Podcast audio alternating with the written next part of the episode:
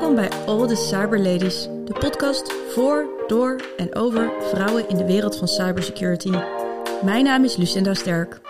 In deze podcast laat ik vrouwen aan het woord die naam hebben gemaakt in het door mannen gedomineerde werkveld. Luister naar hun verhalen en leer van hun ervaringen. Dit is All the Cyber Ladies.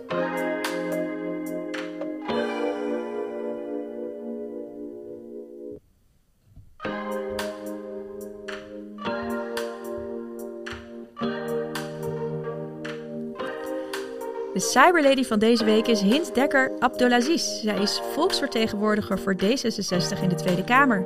Geboren in Bagdad kwam zij als vluchteling naar Nederland. Ze studeerde aan de TU Eindhoven, waar zij een master behaalde aan de faculteit Technology, Policy and Management. In de Kamer reikt haar portefeuille van ICT en privacy tot digitale overheid en van inlichtingen en veiligheidsdiensten tot identiteitsbewijzen en basisregistratie personen. In februari bracht zij de eerste door ChatGPT geschreven motie in bij de Kamer. Haar visie AI is een kans. Haar slogan: de nerd in de Kamer. Welkom Hint. Ja, dankjewel.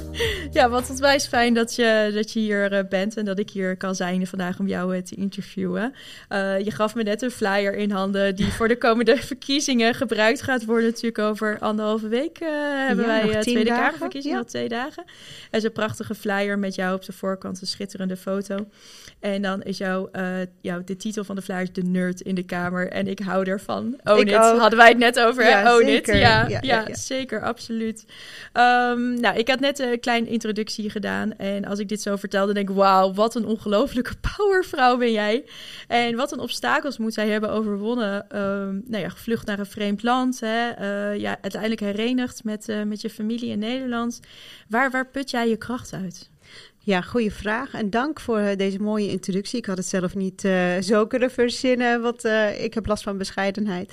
Ehm, ja, waar put ik mijn kracht uit? Ja, op dit moment eigenlijk is mijn gezin hetgene wat mij het meeste kracht geeft. Hè. Ik zeg ook tegen iedereen die zegt van, nou, hoe doe je dat dan met twee kleine kinderen in huis?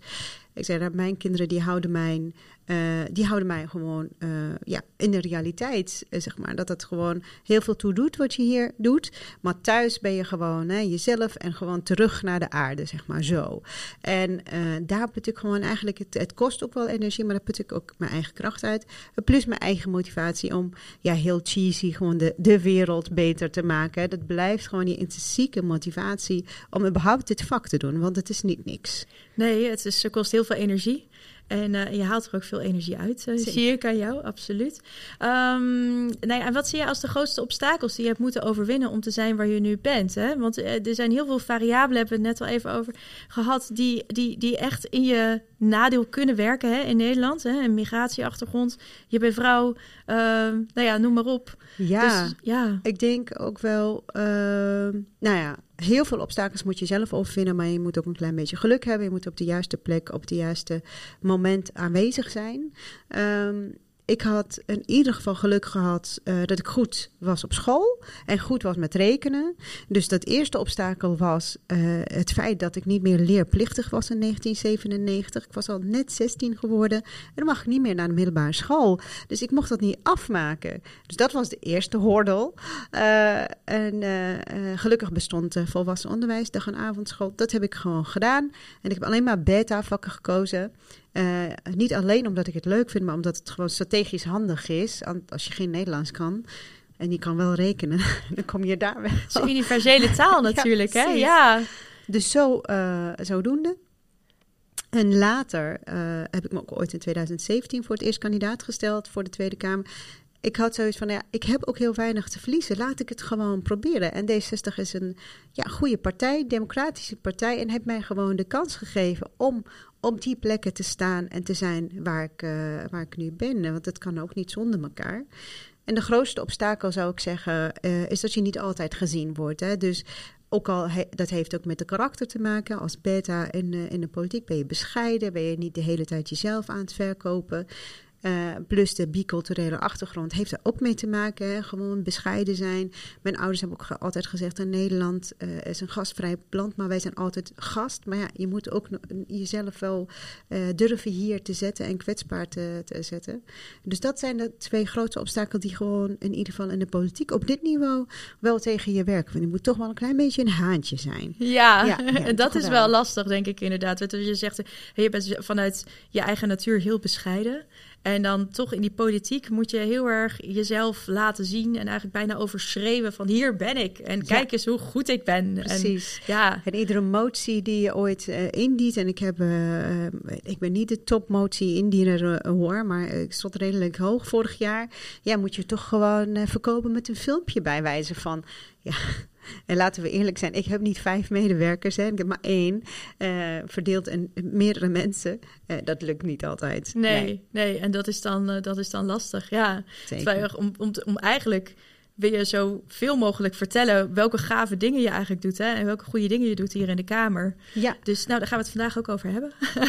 Hoe komt het dat er zo weinig vrouwen kiezen voor een technische opleiding? Ja, dat vind ik eigenlijk een goede vraag en dat viel mij ook wel op. Uh, opgroeit in Azië uh, is, dat, is dat heel raar. In Azië is het juist heel stoer als je goed bent met rekenen, zo ook in Irak. en, en, en juist meisjes doen het dus heel goed bij computer science en dat soort zaken. dus al mijn nichtjes hebben dat ook gestudeerd in Irak. En, en hier is het dus andersom. Hè. Dat was bij de opleidingen, bij de, bij de HTS en later op de universiteit al zichtbaar dat, het, dat de verhoudingen scheef waren. Ik denk dat het ook erg ergens te maken heeft. Het is cultuur. Als je goed bent rekenen, uh, word je heel snel gezien uh, als nerd. Uh, ik heb mijn dochters zijn allebei ook heel goed met rekenen. Het is blijkbaar erfelijk. ja. um, en die leer ik ook, ook niet, niet zich te schamen dat ze goed zijn. En juist te ownen dat ze nerd zijn. En gelukkig krijgen ze ook heel veel support om zich heen. Maar ook daar zie je, als ze in het plusgroepje zitten, zitten, zitten ze alleen met jongens. En de meisjes zijn dan ja, met andere dingen bezig. Dus dat is wel, ja, dat is een cultuur eigen, denk ik. Tegelijkertijd later dus op het werkveld. Dus als je dat studie al gedaan hebt en je bent al in de minderheid. En merk je ook dat een, uh, in sommige sectoren, en zeker in de technische sectoren, ik kom zelf uit de telecom, ook dat het echt een mannenwereld is. En uh, ik, begon, ik begon in 2009 met werken, dus best wel lang geleden inmiddels.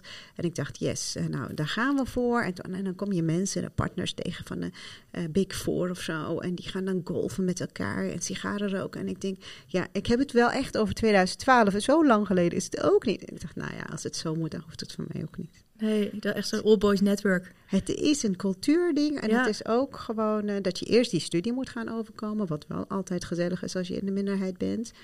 Um, maar ja, dus ja, ik denk en ja, meerdere dingen. Ja, ja. ja en dat is wel grappig dat het dan in Irak juist wel heel erg anders is. Hè? Dat daar. Uh, ja, rekenen ja. gewoon heel stoer is juist. Ja, ja. ja. Nou, dus, uh, hopen dat we daar ook gewoon een beetje wat van die cultuur in Nederland kunnen integreren. Ja, dat, is, zou mooi zijn. Dat is in heel Azië zo. Want ik ken heel veel mensen uit India en China, die hebben hetzelfde. En die verwonderen zich over waarom rekenen hier niet, uh, niet aanslaat. En mijn eigen analyse is zien hoe mijn tweede dochter, die iets minder goed in lezen is, maar wel goed in rekenen is, al die leessommen, jongens. Die verhaaltjessommen, inderdaad. Ja. ja. Dat werkt je heel erg tegen. ja. ja. En dat is, uh, ja, die heb ik ook nooit begrepen, inderdaad. T tien appels kopen en dan vijf peren en dan, uh, ja. Tien en vijf? Ja. ja.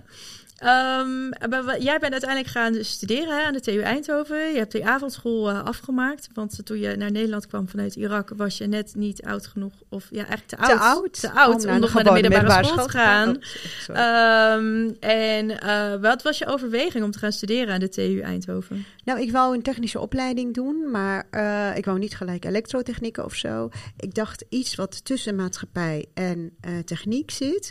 Dus ik had eerst de HTS gedaan, want ik had Gedaan. Uh, technische bedrijfskunde, iets tussen maatschappij en techniek, iets met heel veel rekenen. Uh, want uh, je krijgt calculus op deze opleidingen allebei. Dus ik dacht, nou ja, dat moet wel goede basis zijn. Nou, dat zit nog steeds in je hoofd. En op de, in Eindhoven heb ik dan techniek en maatschappij eigenlijk heette het. wat ook precies tussen de macro-economisch, echte maatschappij breed en de technieken. En dus hoe breng je innovaties in uh, in Nederland. En, en ook macro-economische rekenmodellen zitten daar aan vast. En dat vond ik echt fascinerend. En ik dacht, ja, dat, nou, dat is wel, dat voegt iets toe. Ja. Ja, en dat, en dat ben je later gaan, gaan combineren eigenlijk ook in uh, je werk als uh, raadslid, hè? Ja, ja zeker. Ik, ik kom uit in de telecom consultancy. Was onze grote opdrachtgever de economische zaken. En dan gaat het over frequentieveilingen en zo. Iets heel erg detailistische niche. Maar ja, mijn taak was ook heel vaak om het hele technische dingen, waar mijn collega's hadden allemaal natuurlijk een, elektrotechniek gedaan, te vertalen in gewone mensentaal. En ik uh, heb gemerkt dat mijn opleiding daarmee hielp. Uh, en dit later mij ook helpt ook gewoon in volksvertegenwoordiger zijn. In de gemeenteraad van, van Utrecht uh, had ik ook digitalisering. alleen in de lokale overheid is dat een hele kleine portefeuille. Dus ik had andere technische portefeuilles zoals wonen en mobiliteit en ruimtelijke ordening. En ik dacht, ja, daar heb ik eigenlijk helemaal niks mee. Alleen later heb ik ontdekt dat ja, politiek gaat ook om je waarden. En ook het gaat, als je ingenieur bent, hou je ook wel van fysiek tastbare dingen. En ja, het, het ging eigenlijk ook wel prima. Ja, ja. Oh, wat gaaf. Um, andere technische, zoals uh, wonen en uh, mobiliteit, ja. ja. Mobiliteit. Wegen aanleggen. Ja. of niet? uh, wat, wat drijft jou als volksvertegenwoordiger om je in te zetten dan voor die digitalisering, ICT en privacy? Um, nou ja, um, ik heb altijd gezegd, uh, digitalisering of smart city of al die slimmigheden of al die technologieën, dan moet je als politiek of als Nederland zijn je niet laten overkomen. Je moet daar zelf grip op krijgen.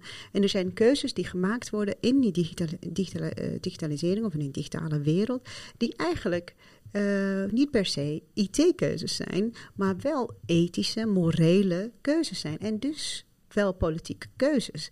En ik merkte dat uh, in de gemeenteraad al. Toen had ik ook een, eh, een bijeenkomst georganiseerd met de Universiteit van Utrecht. Om uh, te laten zien, jongens, digitalisering is wel degelijk politiek. Hier moeten we keuzes maken, welke in, algoritmes of in andere dingen. Waar hang je de camera's bijvoorbeeld? Hè? Dat is lokaal altijd heel een ding.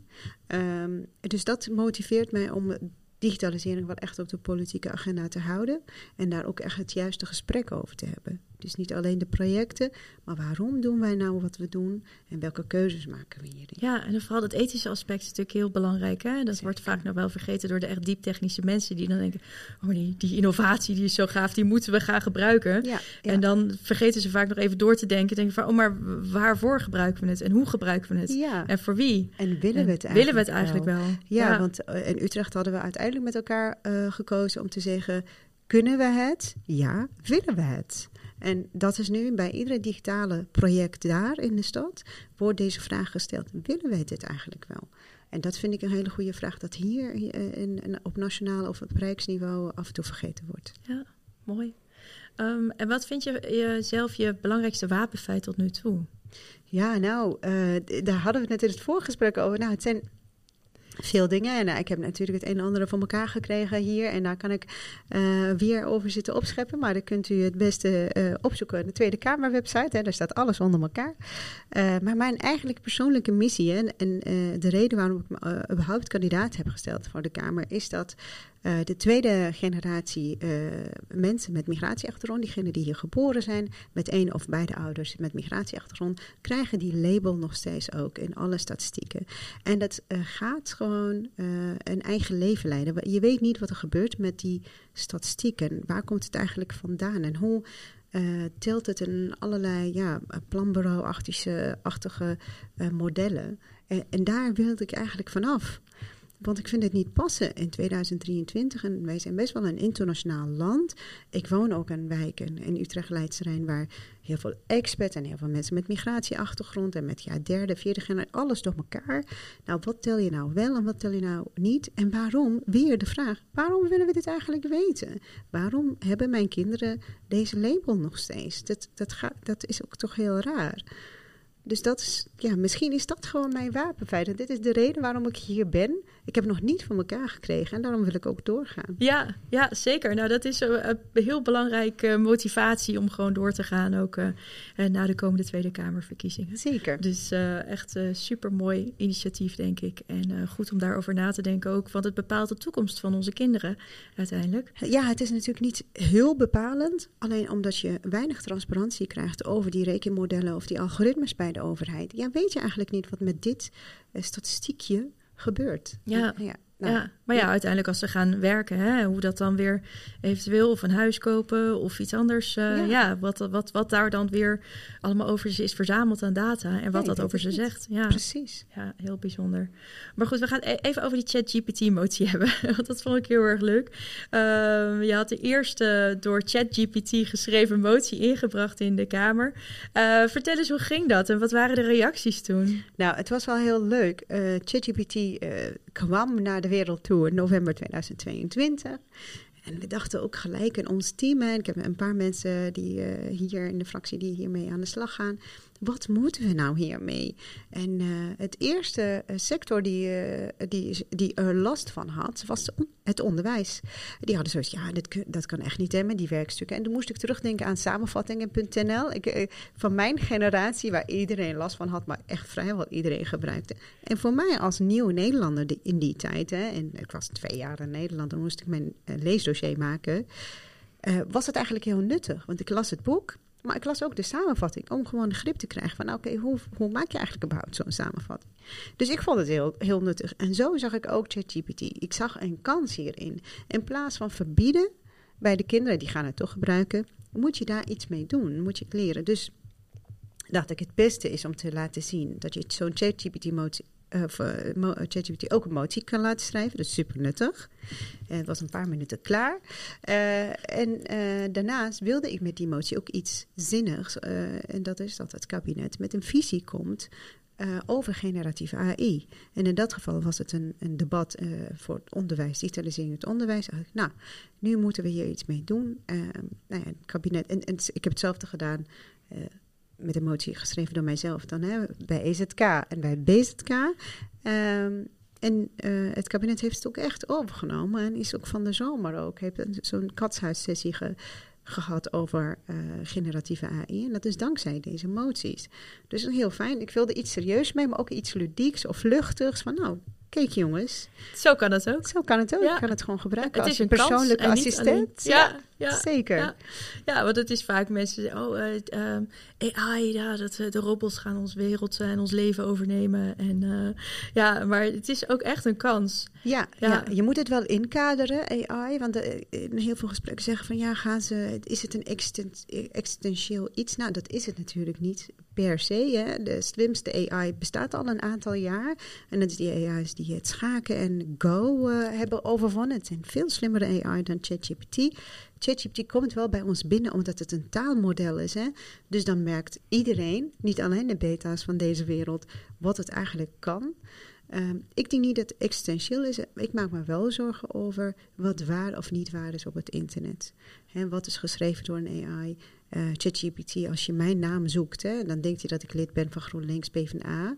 Ja, het is, het is dus niet altijd waar wat hij van die zegt. Dus daar moeten we wel scherp op zijn. En inkaderen, wat mag nou wel en wat mag nou niet. Ja, ja die regels uh, bepalen rondom het gebruik. Uh, en, en, da ja. en daardoor, als je het dus duidelijk inkadert, wordt het dus juist een kans. Ja, en, en wordt de ChatGPT meer gebruikt in de Kamer? Je weet? Dat weet ik eigenlijk niet. Maar ik weet wel dat in een van de botten, uh, de botten Alexandra van Huffelen ook haar spreektekst liet schrijven door ChatGPT. Dat was heel leuk.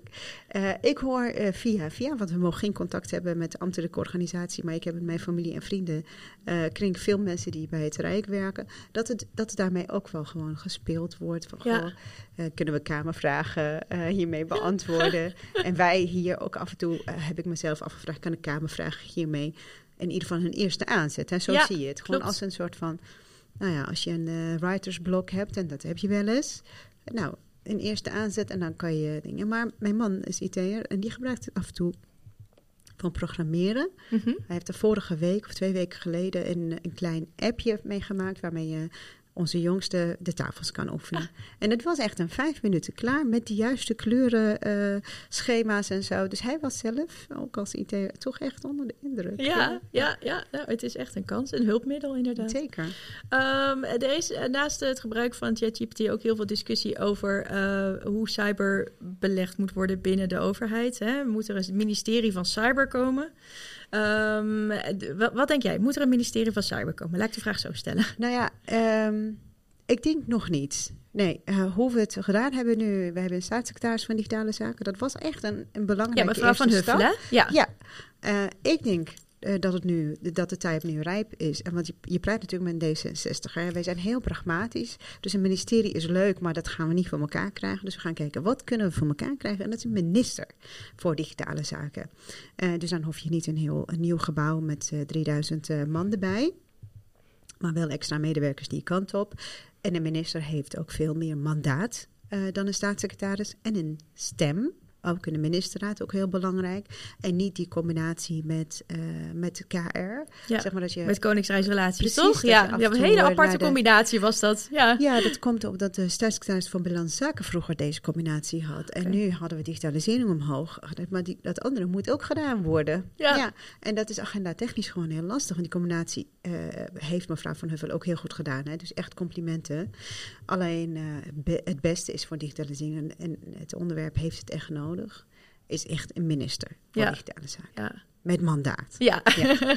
met doorzettingsmacht. Ik denk dat er heel veel behoefte aan is. Want ik denk niet dat er een gebrek is aan, aan initiatieven hè, op het gebied van security, cybersecurity, ook bij bedrijfsleven, bij private en, en, en overheid. Maar uh, dat, dat inderdaad het mandaat en, die doorzettingsmacht, daar Precies. is echt... Uh... En bijvoorbeeld wat, wat je deze keer had, is dat AI uh, eh, eigenlijk deels bij Binnenlandse Zaken is, deels bij JNV, deels bij Economische Zaken. Dus bij wie moeten we zijn? Het meest, de meeste debatten die wij hier gehad hebben, waren twee of drie ministers. En eigenlijk soms heb je er vier nodig, maar dat vonden we echt te veel van, van goede. Waardoor we ook geen debatten, uh, plenaire debatten goed kunnen agenderen. En als je dus eentje hebt die ook zegt van nou, ik ga ook over privacy, ik ga ook over AI. En ik heb ook gewoon. Oh. Er kwam iemand gezellig binnenlopen. Dat kan gebeuren. Het is, een, het is, het is een heel druk gebouw. Het is een druk gebouw. En, en waar, waar, we last van hebben hier is dat je nergens goed kan bellen. Ja, oh, dat snap ik. Als deze kamer leeg is. En die lampen gingen ook uit. Wat heel ja, en dan denken ze, we kunnen hier eventjes bellen. Ja, dat klopt. Dus dat is het. Ja, maar zo'n zo'n debat, als je dat dan nu agendeert inderdaad met drie ministers... dan kan je niet echt verwachten dat daar een goede besluitvorming uitkomt. Nou, het is wel verrassend. Ik heb uh, het uh, grote plenaire debat over cookies geagendeerd. Dat was toen wel alleen met, uh, met uh, staatssecretaris van Digitale Zaken. Mm -hmm. Ik dacht, dat die cookies, hè, die achtervolgen ons eigenlijk ja. op het internet. Niemand heeft het er meer over, maar het is er wel. Die profielen worden verkocht, ook aan China. Dus voor cybersecurity ook wel een belangrijk onderwerp. Zeker. Dat is de grootste lek die we hebben op het internet. Die is er gewoon nog steeds. Daar moeten we echt iets mee doen. Maar wat we gedaan hebben, de staatssecretaris kwam hier. Maar zij heeft wel uh, ambtenaren van JNV, van EZK en BZK bij elkaar gebracht. En ik heb dus achteraf had ik een soort van gevoel van heb ik nou echt iets voor elkaar gekregen of niet? En toen kreeg ik van ambtelijk te horen, ja, het was eigenlijk wel heel goed dat die drie ministeries, ambtenaren van drie, bij elkaar zaten in dezelfde kamer. Dat brengt al iets. Ja, dus, ja, dus die samenwerking komt al van onder op, op gang. Precies. Ja, omdat dat debat plaatsvindt en dan ja, moet die minister toch gevoed worden hè, met antwoorden en informatie. Ja. ja, daarom heeft het dus wel degelijk zin. Ook al zitten ze met z'n drieën daar en soms zie je ze ook bij, naar elkaar kijken wie, wie, wie, wie, is hiervan? Wie, wie? gaat hier ja. over? Hun ambtenaren zitten wel bij elkaar en die gaan dus gewoon samenwerken. En dat is altijd positief. Ja, zeker. zeker. En misschien is dat al alles wat we nodig hebben, die, die onderlinge samenwerking. Op, ja, als, we, eh, als we die kant op gaan, dan komt dat helemaal goed. Um, ik heb onlangs uh, uh, Loco Morel geïnterviewd, professor in de Artificial Intelligence. En uh, zij vroeg zich af, wat is de nummer één prioriteit van jouw partij, D66, als het gaat om cybersecurity? En waarom? Ja, nou, wat wij gemerkt hebben, ik vind het een mooie vraag. Dankjewel voor, voor de vraag. En dat doen politici altijd. Eerst even dankjewel voor de vraag. um, ik, uh, wat wij gemerkt hebben is de afgelopen jaren, ook zeker in de Tweede Kamer, al de hele ambtelijke organisatie is afhankelijk van Citrix.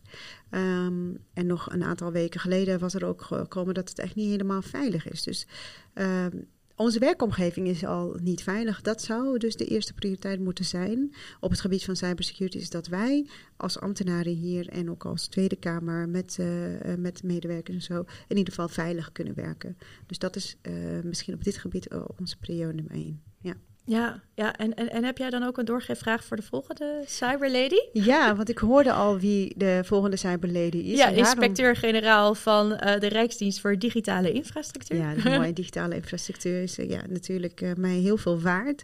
Ehm, ik, denk, ik denk dat ik deze vraag eigenlijk gewoon aan haar zou willen stellen. Wat gaat u doen om de ambtelijke organisatie van het hele Rijk eh, en de Tweede Kamer veilig te laten werken. Omdat we nu zo afhankelijk zijn van een niet stabiele situatie bij Ja. Citrix. Ja, nou, ik ben heel benieuwd hoe zij daarop gaat reageren. En hopelijk een positief antwoord eh, heeft. eh nou, ik toch? ga luisteren. Ja. Ehm, ten ten slotte, welke tips zou je willen geven aan meisjes en dames die nu een carrière overwegen in cybersecurity of in tech? Ik, ik kan maar wel iets, iets erbij verzinnen. Dat je dan kies, kies, kies een beta-profiel. Ga altijd voor het rekenen.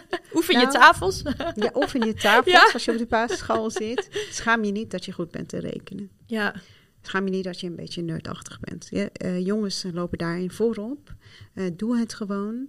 En eh, wees, heb geen schram. En ook op de technische universiteiten zijn er heel veel opleidingen waar heel veel meisjes zitten.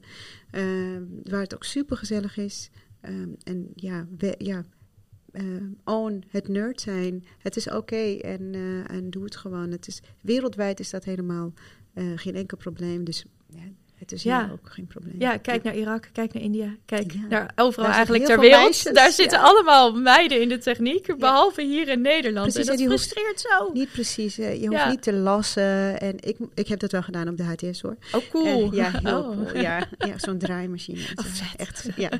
Dus maar, maar eh, eh, in de IT hoeft dat helemaal niet. Het is allemaal in je hoofd. Wij zijn heel goed in analytisch denken, abstract nadenken als meisjes.